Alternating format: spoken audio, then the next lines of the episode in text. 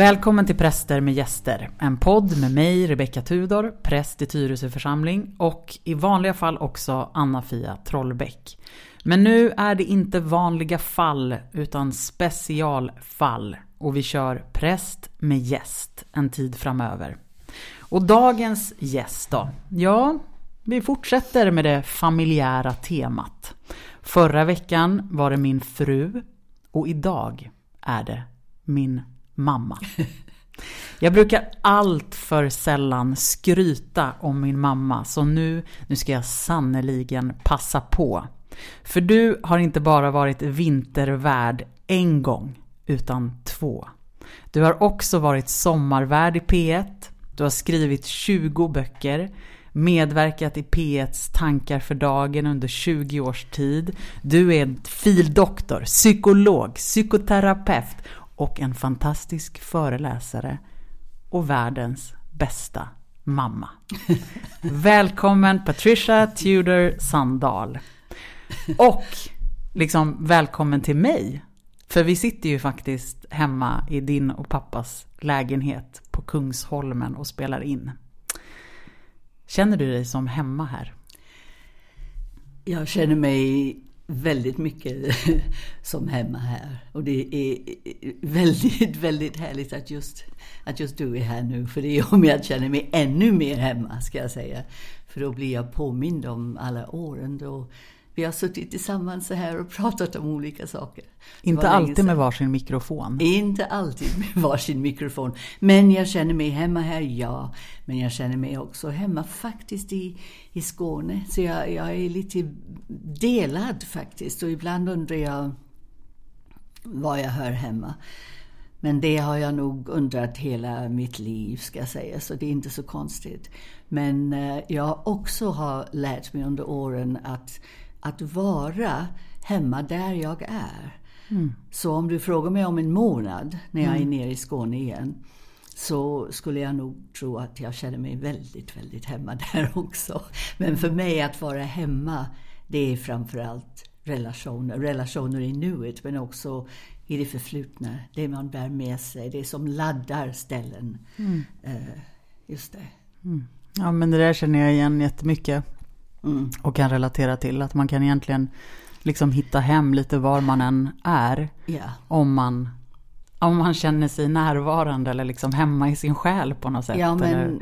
Det är det, det är det det handlar om förstås. Och för mig faktiskt också att om man, om man ser till att ha vissa, vissa saker omkring sig, inte en mängd saker, men vissa saker som, som har en, en, en betydelse för en. Mm. Och det har blivit väldigt tydligt för mig under åren, för vi har ju ändå flyttat väldigt många gånger från ganska stort till ganska litet och så. Mm.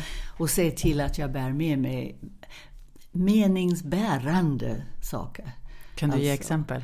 Eh, jag kan ge många exempel. Men eh, just precis nu, eftersom jag är alldeles nära den, så är det en, en liten skåp ifrån Kina som, eh, ja, som jag har själv burit genom gatorna i, i Beijing. Alltså innan eh, det såg ut som det gör idag, det var för över 40 år sedan. Och när jag ser på den så blir jag påmind om hur livet var då, det var innan du fanns. Mm. Uh, ja, bara ett exempel, jag skulle kunna ge många exempel. Mm. Men jag vet ändå att du har ju ändå brottats en hel del med den där känslan av att vara, liksom, vad som är hemma och inte ja. hemma. Jo, men det har jag verkligen gjort och det har inte jag riktigt förstått hur mycket jag har brottats med det förrän faktiskt under ja, senare år på något sätt. Mm. Alltså när, men jag har hört att gamla människor håller på att minnas det förflutna. Och jag har ju alltid gjort det faktiskt. Jag har ett väldigt gott minne, tycker jag själv, för detaljer i det förflutna. Men det är så att det, det, det har kommit tillbaka med en sån oanad kraft. Alltså mina unga år och min tid i England. Och jag har inte riktigt, riktigt tagit till mig, tycker jag själv, förrän relativt nyligen, vad jag också har lämnat. Mm. Och de som inte vet, du är uppvuxen i 40-talets England. Och kom till Sverige när du var? Jag var, jag var 24 år, precis fylld samma vecka, när jag kom till Sverige. Men då hade jag bara tänkt att stanna i ett år. Det var inte min tanke att jag skulle bli kvar här. Jag visste bara att jag vill ifrån. Eh, och sen livet började rulla på här och så vidare. Och jag var så inriktad till det nya livet. Så jag nu tänker på Sverige som mitt andra liv. Vilket låter inte klokt för jag har barn och barnbarn och karriär och hela faderullan. Men sen finns det allt det där andra.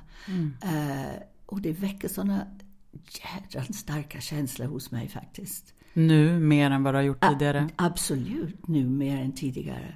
Och är det i relation till att du ju faktiskt är, ja vad man kan kalla gammal? Jag är, Kalle, jag är gammal, jag är 80 år och jag inser att eh, Ja, alltså att eh, ja, Alltså det som jag har lämnat bakom mig naturligtvis också har ett stort värde. Och jag har ju liksom tidigare kanske tänkt, om jag nu har tänkt på det, att ja, ja, ja, men det här är så mycket bättre. eh, Det jag har här i Sverige och, och jag liksom, Men nu tänker jag bara att med en sorts sorg, så det är inte, det är inte, det, det är ingen idealisering. Eh, Men en, en, en sorg. Och att jag har bröder som, i England som jag aldrig träffar till exempel. Och så. Det, det blir bara, kan, det är hemskt svårt för mig att förklara men det kommer så starkt. Och, och då tänker jag, jag är engelska, det där att, att, att, att vara svensk, jag är svensk medborgare, jag älskar Sverige, jag älskar dig, jag älskar det. Det är inte det. Det är det, mitt hjärta, i mitt hjärta.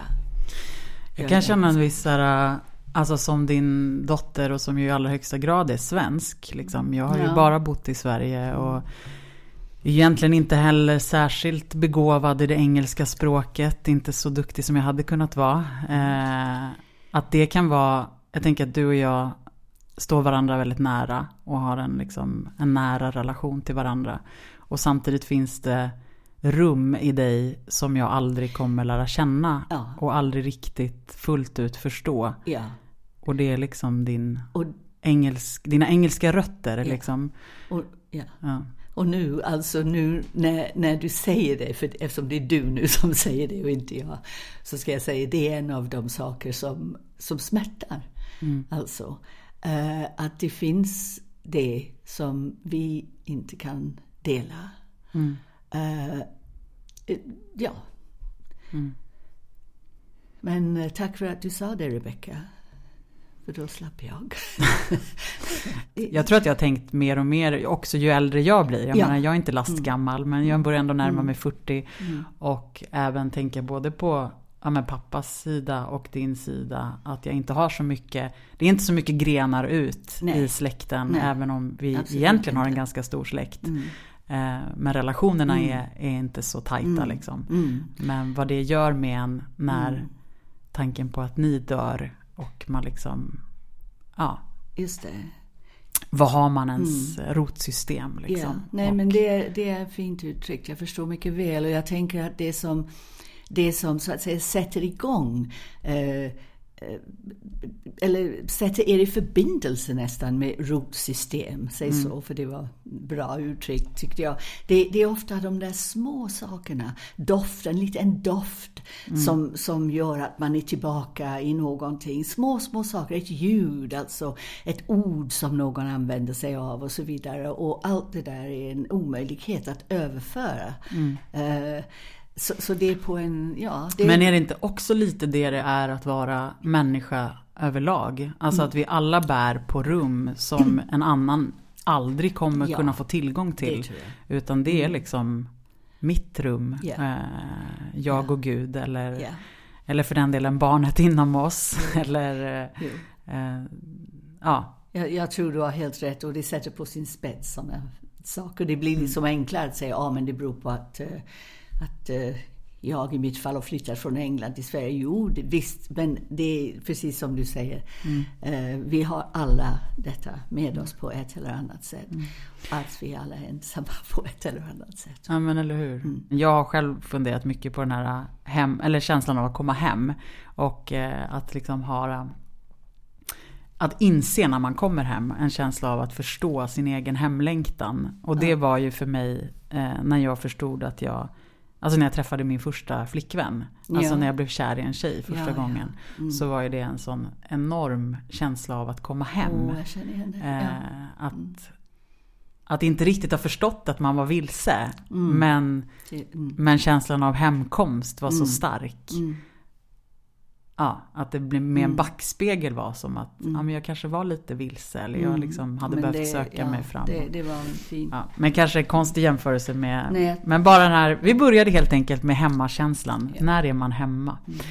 Du, du är ju aktuell med... Alltså det här är bara också en, en liten rolig passus. Men du är ju aktuell med en bok just nu. Eh, din tjugonde bok. Mer levande med åren.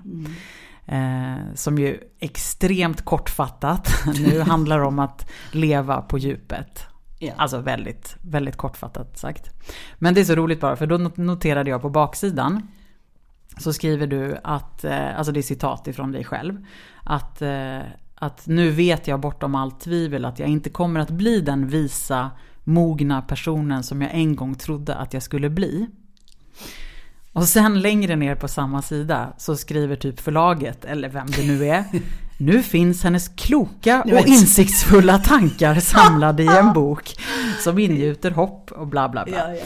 ja, Eh, men, ja det är inte jag som Nej jag vet, jag vet. Men den här, den här Ja. Mm. liksom, alltid den här känslan av att Alltså krocken med vad, hur ens egen bild av en själv Exakt. Mm. och hur andra uppfattar den. För jag tänker att du ju för många ändå har blivit en, en faktiskt en vis röst. Mm. En röst som, som så här har något, ett budskap och klokheter. Mm. Men att du själv inte liksom tror på det, eller? Jo, men så här tänker jag. Mm. Alltså, för jag har funderat jättemycket på det här och under, jag tror det var tre hela år så skrev jag ingenting. Alltså Mm. under en period för jag tänkte att ja, det går inte, det blir absurt liksom om jag, och så. Jag lät mig hindras av, av bilderna på mig. Men sen har jag tänkt så här att det bästa hos mig finns i mina böcker. Alltså, det betyder mycket för mig när jag skriver. Jag skriver verkligen inifrån. Och jag skriver för att förstå någonting hos mig själv. Oftast. Och sen finns det så mycket annat hos mig som jag kan förstå, är så omogen, så inte ett dugg klok och så vidare och så vidare. Och jag har låtit det hindra mig. Men nu tänker jag så här att om den delen av mig som är, för den är sant, men det är inte hela sanningen. Men om den delen som sedan syns så klart i, i mina texter, om det ger andra någonting, om någon kan relatera till den, få någonting av den, det är bara bra. Eh, Så nu kan jag släppa loss mina böcker då, som det har blivit, eller när jag skriver tankar för dagen till exempel.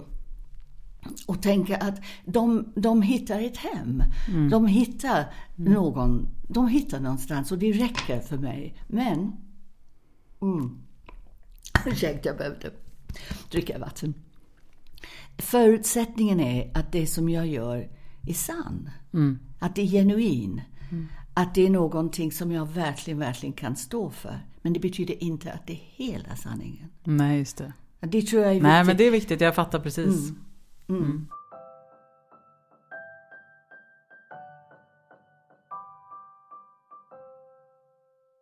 Din eh, absolut första bok, den skrev du samma år som jag föddes. Ja. Eller den Ja, kom ut samma den år. kom ut när jag låg, jag låg flera månader eftersom det var en svårighet eh, när, när, du, när, när, jag hade det i magen. Mm. Och jag var tvungen att ligga i flera månader.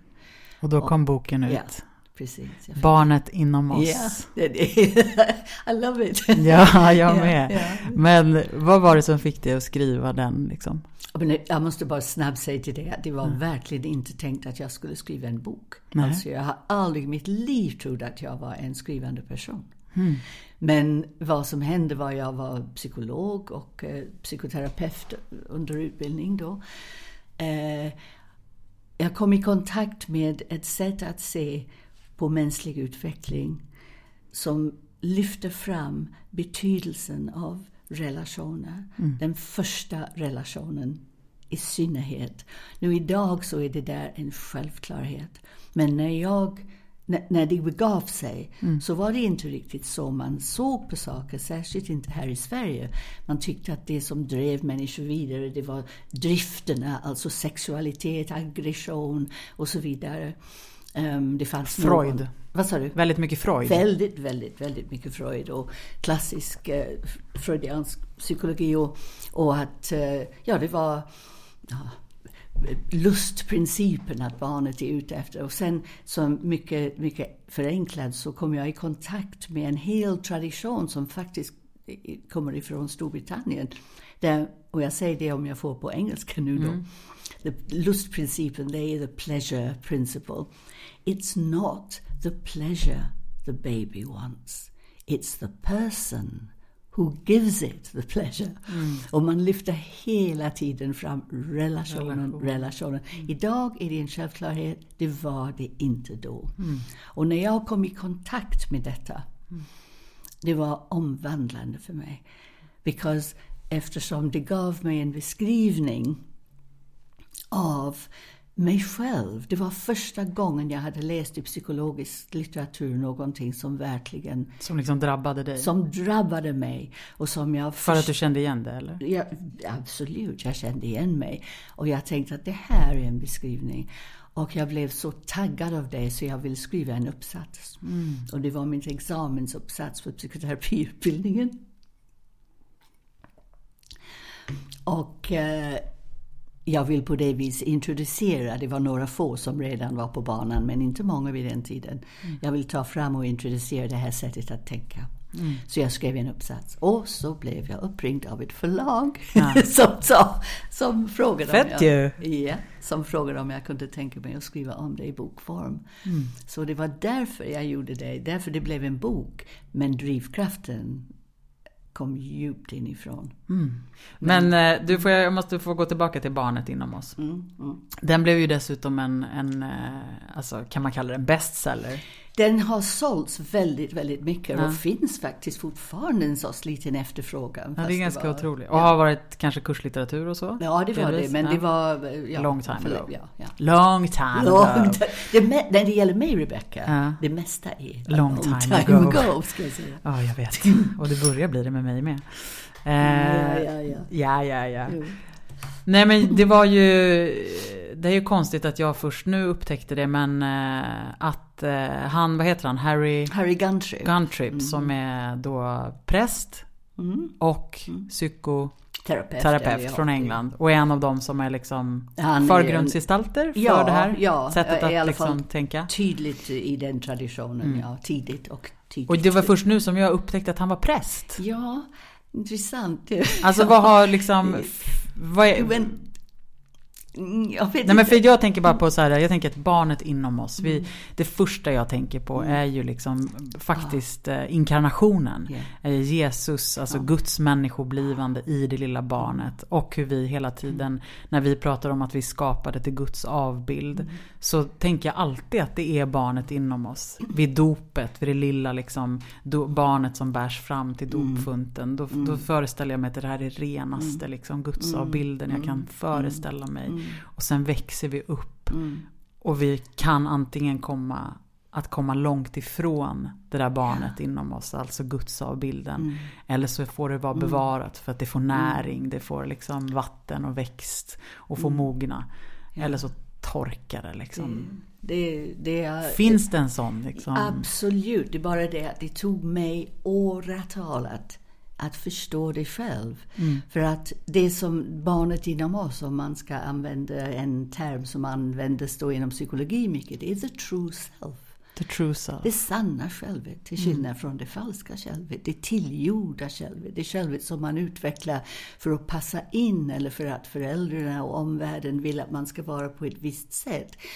Um, men det var ju det som uppenbarligen drabbade mig med sån kraft. Mm. Att jag förstod att the true self hos mig hade gått så långt under isen, mm. gömde sig så mycket. Och det var ju klokt på något sätt.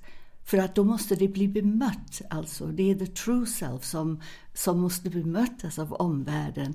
Och apropå det här med den tidiga relationen, det är inte så mycket att man ska uppfostra barn, utan först måste man upptäcka. Mm. Och det har med upptäckandet att göra.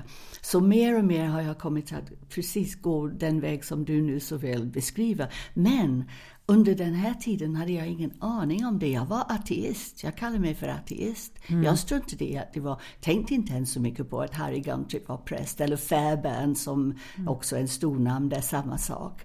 Uh, de, jag tänkte inte på det. Men någonting appellerade till mig, kan man säga så? Mm. Någonting rent, någonting sant, någonting som längtade efter beröring. Och någonting som var livrädd för beröring mm. samtidigt. När jag träffade Ester Keisen, eh, som jag hade samtal med också här i podden. Ja, mm. Så mm. fick ju hon, eh, skickade med en fråga till dig. Eh, som jag tänker att vi håller på att tangera just nu. För att hon, mm. hon sa ju det att så här, men visst var det väl så att din mamma blev, blev troende eh, när hon var liksom på riktigt eller en riktig mm. människa. eh, och eh, mm. Och du har ju egentligen, för jag menar du, du kommer ju från en katolsk engelsk bakgrund, gick i klosterskola. Mm. Eh, men som du själv precis sa, du lämnade det ateist. Med buller och bång lämnade jag när jag var 17. Ja. Mm. Och sen så sa du nu att när du närmade dig 60 mm. så kunde du Ja. Så var det någonting som alltså, gjorde att du öppnades för det, att bli drabbad av Gud? Det har ju, alltså jag tog avstånd. Jag gifte mig med en, en rabiat kommunist kan jag säga vid den tiden jag var 18 redan. Jag tog avstånd från allt. Va? Mm. Eh, och så, så småningom flyttade till Sverige som vi har varit inne på och så vidare. Och jag liksom hade, ville inte ha med det att göra. Det, det, var liksom inte en del av mitt liv. Jag ägnade mig åt psykologi istället, och, eller istället, men jag ägnade mig åt detta. Och, och så som så ofta är fallet när man är drabbad av någonting i livet och jag blev väldigt, väldigt... Du måste komma ihåg, jag vet att du måste komma ihåg, när du var liten så fick jag cancer och blev väldigt, väldigt sjuk. Och, och i efterdyningarna av detta, så vilket ofta händer människor tror jag. Men då kom de här frågorna, vad är väsentligt, vad är meningen? Och jag liksom... Det, jag, jag, jag, förstod alltså att någonting så djupt saknas i mitt liv. Alltså någonting så livsavgörande på något sätt. Längtar jag efter. Men det var en konstig process faktiskt på något sätt. För att så Ja, jag bara visste att det finns en tomhet som ingenting kan fylla. Och sen, det blev faktiskt så att jag en av dem kan säga att jag faktiskt drabbades på något sätt. För jag kommer ihåg, jag satt på tunnelbanan mm. eh, från Ropsten, vi bodde på Lidingö då, eh, på vägen till stan och så, jag kan säga det som igår, jag bara satt där på tunnelbanan och så tänkte jag på jag tror på Gud. Jag är troende. Hjälp mig att förstå vad jag menar. Mm. så jag fattade, ja. Ja, det var så verkligen. Men eftersom jag är en sökande person också så började jag läsa väldigt mycket och fastnade mycket i uh, uh, kristna mystikerna till exempel. Thomas Merton blev jätteviktigt för mig. Men allt det här gjorde jag i hemlighet. Mm. Men var det här liksom, för jag har ju alltid tänkt att du och jag gjorde som en parallell resa. Eh, jag, eftersom jag hittade till kyrkan liksom på egen hand. Ja. Eh, jag har ju inte en, liksom, jag är inte fostrad Nej, liksom, in i en särskilt kyrklig, aktiv familj. Men, men hittade ju till konfirmationen när jag var 15. Mm. Mm. Eh, och blev ju väldigt Alltså jag blev ju drabbad liksom när jag var på konfirmandläger. Eh, och har ju också en sån där upplevelse av att liksom känna en stark mm. tro utan att mm. riktigt förstå vad det mm. var för någonting. Mm. Men ändå att det liksom öppnade sig yeah. ett, ett till, en till dimension liksom. Som inte var en annan dimension utan en, en bara genomsyrade det liv som mm. redan är. Liksom. Eh, och det känns, jag har alltid tänkt att så här, i alla fall med, när jag tittar tillbaka på livet att du och jag gick den här vandringen mm. sida vid sida utan att nödvändigtvis prata så mycket med varandra det tror jag vi då. gjorde. Men har jag sagt någonting som har fått dig att tvivla på det? Nej, inte alls. För det- utan jag bara, det- för, det- jag bara berättar för Ja. våra lyssnare. Nej, men det är väldigt mycket så. För mycket hos mig var en, ett hemligt liv. Eh, Mm. eh, Verkligen. Jag delade inte det med din far till exempel förrän Mm. långt efter. Ehm, men din, din, eh, alltså ja, vi, för, för di- din väg Mm. som blev så uppenbart för mig också gjorde mig nyfiken på de yttre formerna. Det. Så det var då som jag började, också det, ja hemligt var det kanske inte men det var lite ensamt. Jag började gå i kyrka i, på Lidingö. Mm. Eh, på, klockan åtta på morgnarna eh, hade de, eh, en gång i veckan tror jag det var. Och så började jag gå dit. Och jag kände mig lite dum för jag fattade inte så mycket. Det där med agenda, vad är det? Jag trodde det var någonting helt annat. För mig är ett agenda det är ett mötesprotokoll liksom. Men jag fattade ingenting. Eh, Men jag hängde i där. Och så småningom så började jag kunna knyta den till saker som kom tillbaka från mitt förflutet. En gång i tiden har jag kunnat hela mässan på latinska till exempel.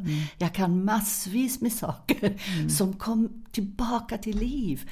Och så började jag gå i retreat. Men då var, hade det tagit flera år, då, men det gjorde jag det. Och då blev jag en retreat-freak. Absolut. Och sen blev jag retreat-ledare. Ja, men jag tror vi har visst gått Jo, men och där hängde jag ju på. Ja. Jag hängde ju Ja. på på en retreat när jag var 16 år första gången. Och sen blev jag ett retreat-freak freak också. Mm. Så, så våra vägar har verkligen, och, Mm. och jag, åh, jag vet inte om jag kan säga det här på podd, men nu säger jag det. Alltså jag är så djupt berörd av din väg, Rebecca. Och din väg har också berikat min väg och förtydligat delvis min väg. Och jag vet att att din far satt här så han skulle säga något liknande. Så vi har liksom blivit en troende familj. Och, och pappa och jag, vi är väldigt mycket då i, i, i, i det, det sortens liv.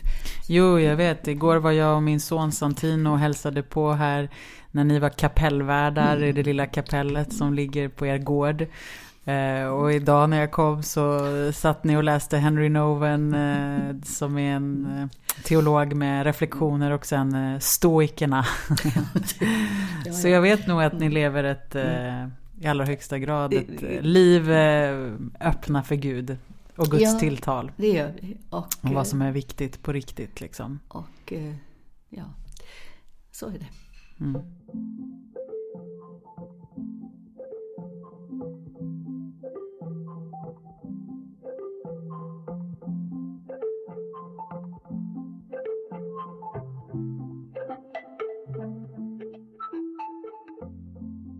Ja men eh, kanske hoppar, hoppa lite nu eh, till att eh, prata lite om föräldraskap. För jag tänker att det nu också liksom är någonting som du och jag delar. Eh, I och med att jag själv har blivit förälder sedan ett par år tillbaka. Eh, och att ja, men du är min mamma. Eh, du är också mormor till, till mitt barn. Och du är mormor till min systers barn. Eh, och när tycker du att du är som bäst som förälder? Menar du Rebecca nu? När mina barn är typ 50 och 40 eller? Nej men det är det att jag tänker att du, jag menar det är ju en eh, Du fick eh, min syster 1966 Mm. Eh, och sen liksom 17 år senare så Mm. kom jag och då var du nästan 44 år när du fick mig. Eh, och såklart hade det ju hunnit hända massor under de åren. Eh, och jag och min syster har ganska olika uppväxter. Eh, Mm. För att du också Ja. Jo.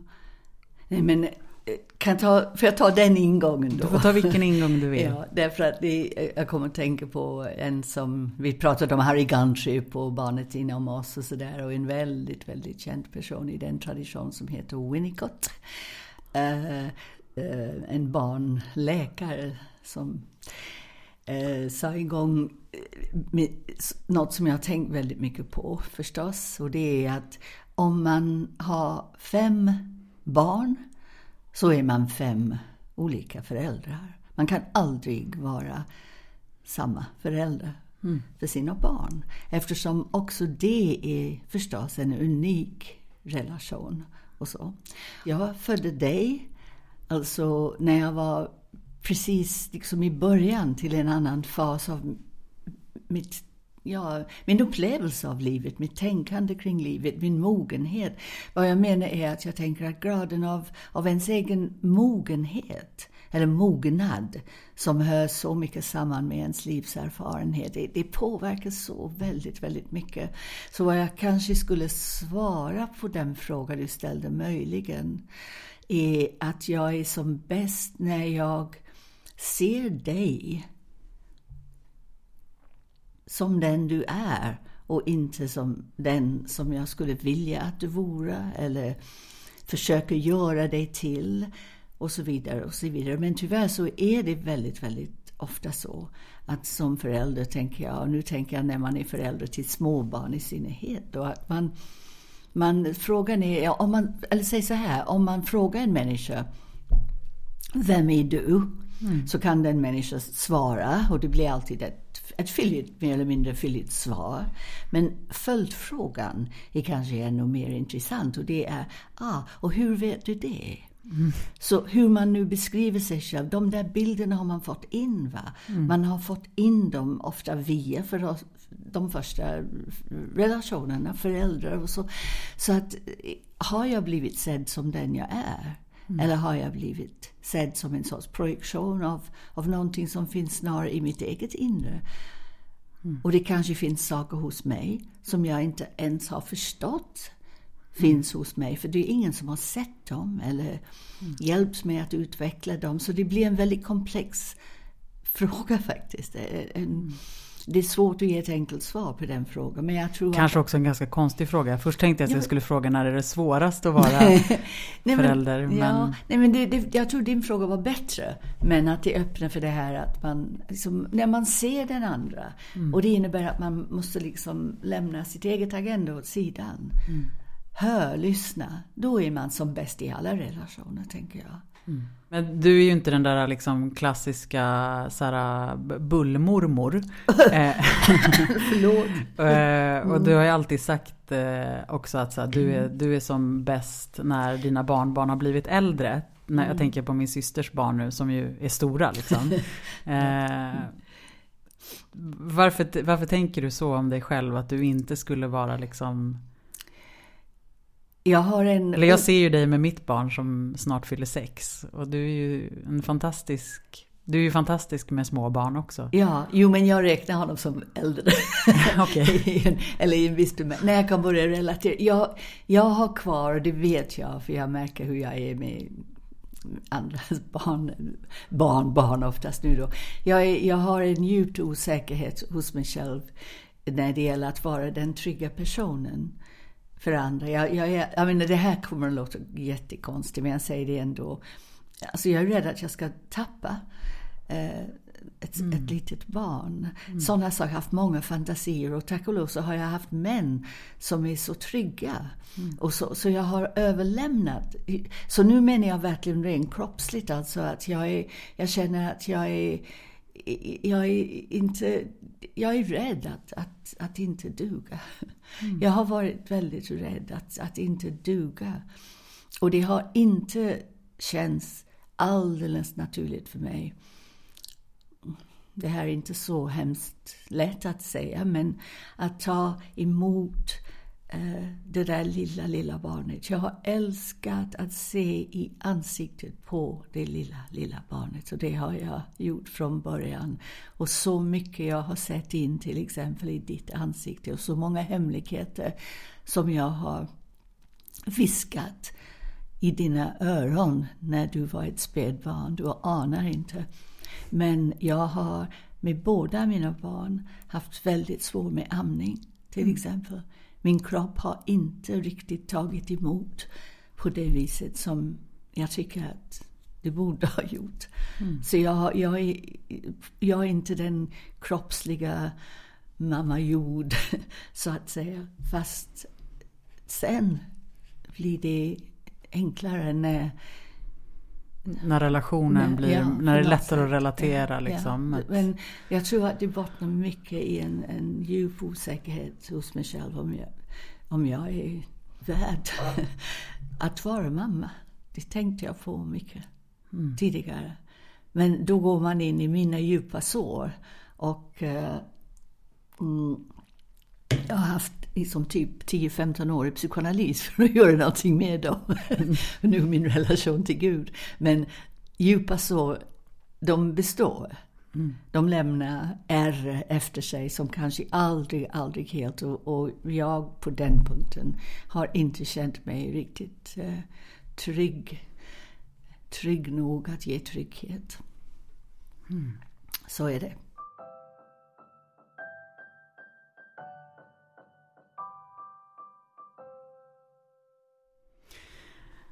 Vet du vad jag drömde i natt? Mm, nej. jag drömde väldigt märkligt. Jag kom på det eh, i morse när jag åt frukost. Så kom drömmen plötsligt till mig. Och då var det du och jag. Och vi pratade om vad vi skulle prata om idag mm. i podden. Mm. Eh, och så sa du att men, jag vill att vi pratar om någonting som känns på riktigt. Och jag vill att det ska vara äkta. Och jag vill att vi ska prata om någonting som vi aldrig har pratat om. Och så frågade jag, jaha, vad är det här? Vad ska vi prata om? Och så sa du, jag vill att vi pratar om min relation till min pappa. det var verkligen, det, och jag var sådär liksom förvånad. Och, och så var det, jag tänker inte nödvändigtvis att det var en sanning som kom liksom i, i det djupaste. Men, men jag tänker ändå på, eh, på dig och din relation till dina föräldrar. Mm. Mm. Och förstås vad det har gjort med mm. dig. Mm. Eh, och vad det gjorde. Du och din pappa hade ju kanske inte den bästa relationen. Nej. den var, men den var ju mm. svår på många mm, sätt. Ja. Eh, och han var våldsam. Eh, men så åkte du tillbaka till England. När han låg på sin dödsbädd. Ja. ja. Vill du säga någonting om det mötet? Ja, jag skrev om det i, i en av mina böcker då. Ja, vad jag ville säga om det är att plötsligt den, det var plötsligt inte svårt. Jag har äcklats av honom på så många sätt. Jag har äcklats av hans händer väldigt mycket. För han har begått väldigt mycket våld och annat med dessa händer när det gäller oss barn. Och så låg han där med de här lövtunna händer på täcket och den där våldsamma man som var...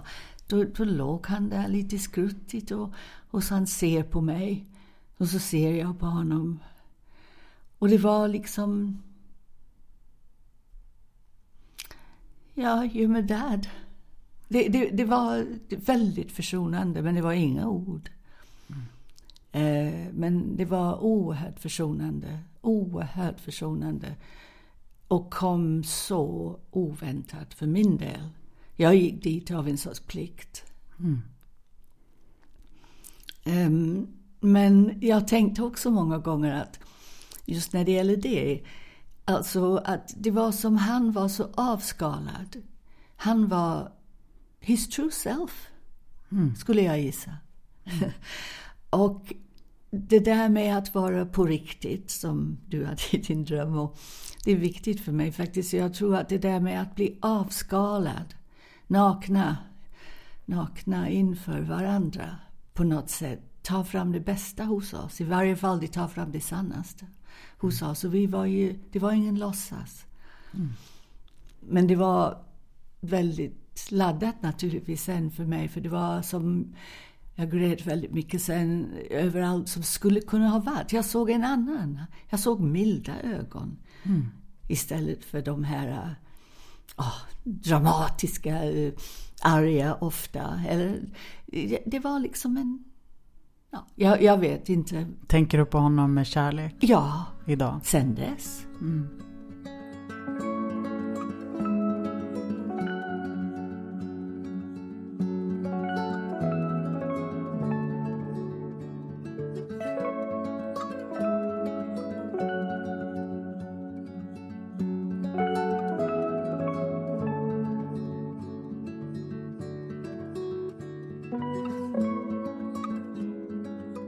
Hur föreställer du dig din egen död?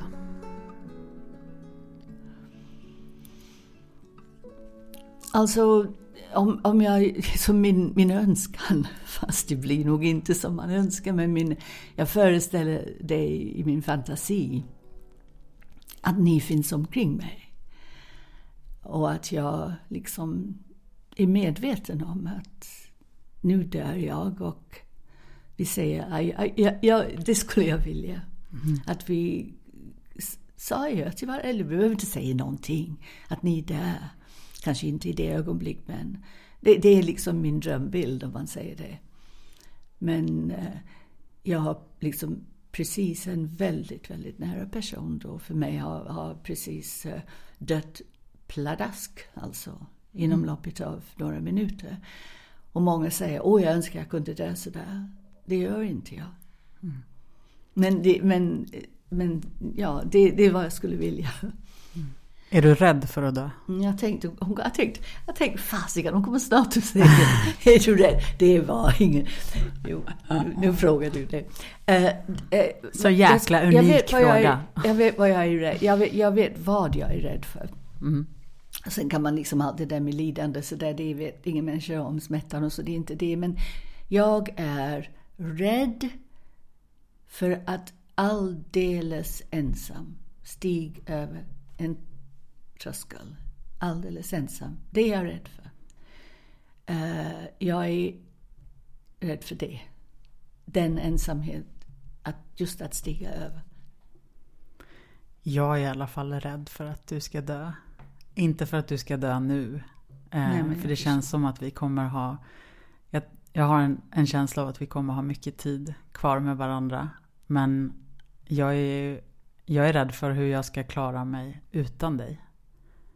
Hur jag ska leva utan mamma. Och det... Jag förstår det. Och jag tycker att det är ett väldigt, liksom ett fantastiskt betyg på dig. Att du vågar, att du vågar vara mig nära. Och när jag säger nära, jag menar på det viset, vi är nära varandra. I vetskap om det. För förlusten kommer att bli din. Mm. I det fallet. Och jag tycker det är vågat att älska så mycket som du gör. Tack för det. Nej men verkligen, det är vågat. Mm. Eh, och det är den största gåva som du kan ge. Det finns ett, eh, ett bibelcitat eller ett ord från Jesus som, har, som betyder mycket för mig i relation till döden. Och det är när Jesus säger att för Gud är alla levande. Mm. Mm. Mm. Alltså för Gud så Gud gör inte skillnad på mm. döda och levande. Ja, och mm. även bilden av Guds tid.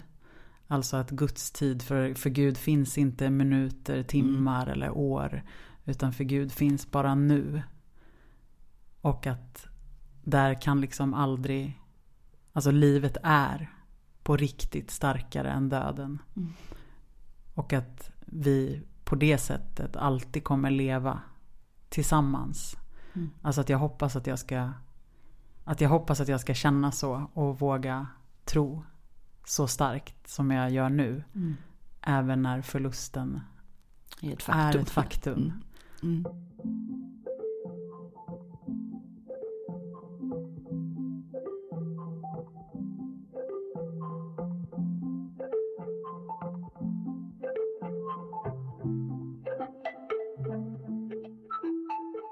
Nästa vecka så ska jag träffa Philip de Croy och ja. han är teolog och också tanatolog. Som eh, typ betyder att vara dödsexpert.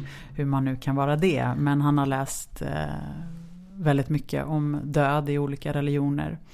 Eh, och riter och, och så. Och han menar att vi i Sverige mycket håller döden på en arms vad heter det, armlängds avstånd. Mm. Alltså att vi håller mm. döden ifrån mm. oss. Det, mm.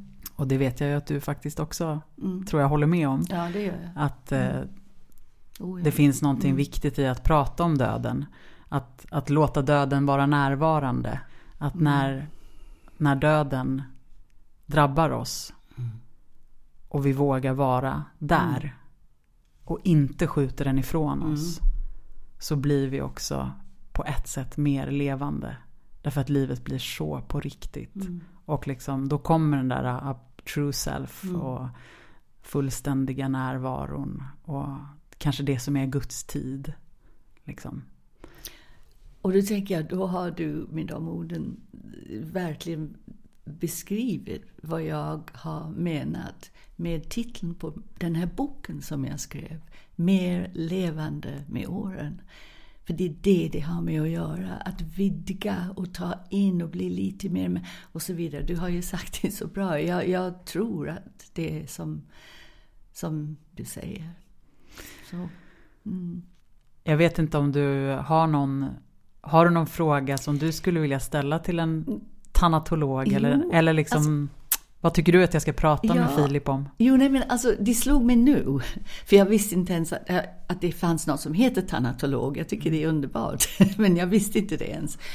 Eh, Men det slog mig nu, jag undrar, för att människor har ofta frågat mig under åren eh, all den psykologi som du kan, som de tror att jag kan i alla fall, Eh, då måste det vara till jättestor hjälp när du kommer själv i personliga kriser och sådär. Och då har jag alltid liksom kommit fram till att nej, dra inte den slutsats.